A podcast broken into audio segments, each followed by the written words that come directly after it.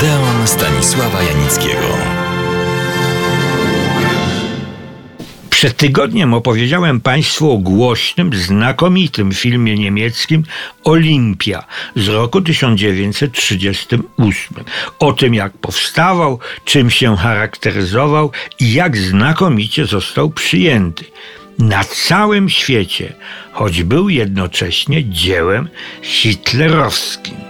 Zrealizowała go wielbicielka wtedy niemieckiego faszyzmu Leni Riefenstahl. Dzisiaj opowiem o zapowiedzianym przed tygodniem równie znakomitym, ale filmie japońskim Olimpiada w Tokio. Olimpiada odbyła się w roku 1964. Rok później film ten wszedł na ekrany całego świata. Choć miał też oryginalną formę, no ale o tym za chwilę. Tak się złożyło, że obejrzałem ten film dopiero w czasie mojego pierwszego pobytu w Japonii, który miał miejsce w 1970 roku. W mojej książce Film Polski film ten opisałem dokładnie. Były to pierwsze Igrzyska Olimpijskie na kontynencie azjatyckim. 164 operatorów filmowało olimpijskie wydarzenia 104 kamerami. Niektóre z nich zaopatrzone były w super teleobiektywy o ogniskowej do 2000 mm. Specjalna taśma umożliwiała dokonywanie w każdych warunkach bez sztucznego oświetlenia zdjęć. Zespół realizatorski składał się z 556 osób. Nakręcono 120 kilometrów taśmy, co równa się projekcji trwającej ponad 70 godzin.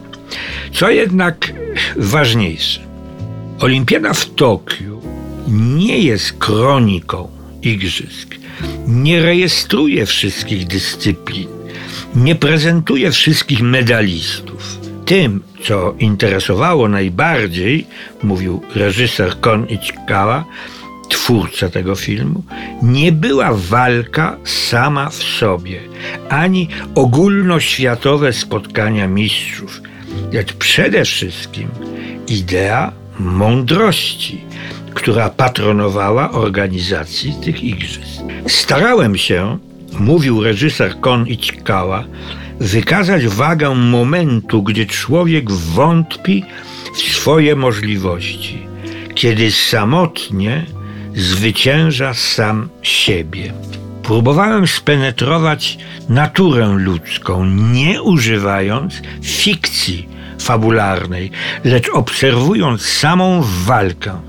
Starałem się uchwycić sens olimpijskich zmagań, ich rolę w utrwalaniu pokoju, zbliżeniu ludzi i propagowaniu ideałów humanistycznych, szukaniu drogi do ludzkich serc. Olimpiada w Tokio jest pięknym hymnem na cześć człowieka, jego wysiłku, wartości, nadziei. Nie jest to film powierzchowny, plakatowy. I Cikoła potrafi w każdej rozgrywającej się przed kamerą scenie dostrzec i utrwalić to, co najistotniejsze, najdramatyczniejsze radość ze zwycięstwa, gorycz porażki, nieludzki wysiłek, uczucie braterstwa, wspólnoty, przyjaźni. Scen tych jest wiele, choćby wspaniały, samotny bieg maratończyka Abebe Bikila. Zacięta walka japońskich siatkarek, załamanie holenderskiego biegacza, dramat japońskich judoków. Dramat miesza się tu z poezją, nawet z humorem. W tym filmie nie ma beznamiętnych popisów ani pusto brzmiących deklaracji. Film porównywano do symfonii lub gigantycznego happeningu odbywającego się przed rozentuzjazmowaną publicznością. Pisano Jest w tym homerycznym reportażu więcej prawdziwego kina niż we wszystkich dotychczasowych filmów. Film spotkał się z ogromnym aplauzem zarówno publiczności, jak i krytyki. Otrzymał wiele nagród międzynarodowych, między innymi w Cannes i Moskwie. Zaś na liście Kinema Jumpo, najbardziej cenionego w Japonii czasopisma filmowego, znalazł się na drugim miejscu. Niezadowoleni, zawsze się tacy znajdą, byli, jak to napisano, ortodoksyjni sportowcy, kibice oraz Komitet Olimpijski, na którego zlecenie powstało kilka innych filmów o olimpiadzie w Tokio, rejestrujących rekordy i zdobywców medalu. A o twórcy tego unikalnego filmu, Kon i Ciekawie, opowiem Państwu za tydzień. Serdecznie do Odeonu wszystkich miłośników filmu zapraszam.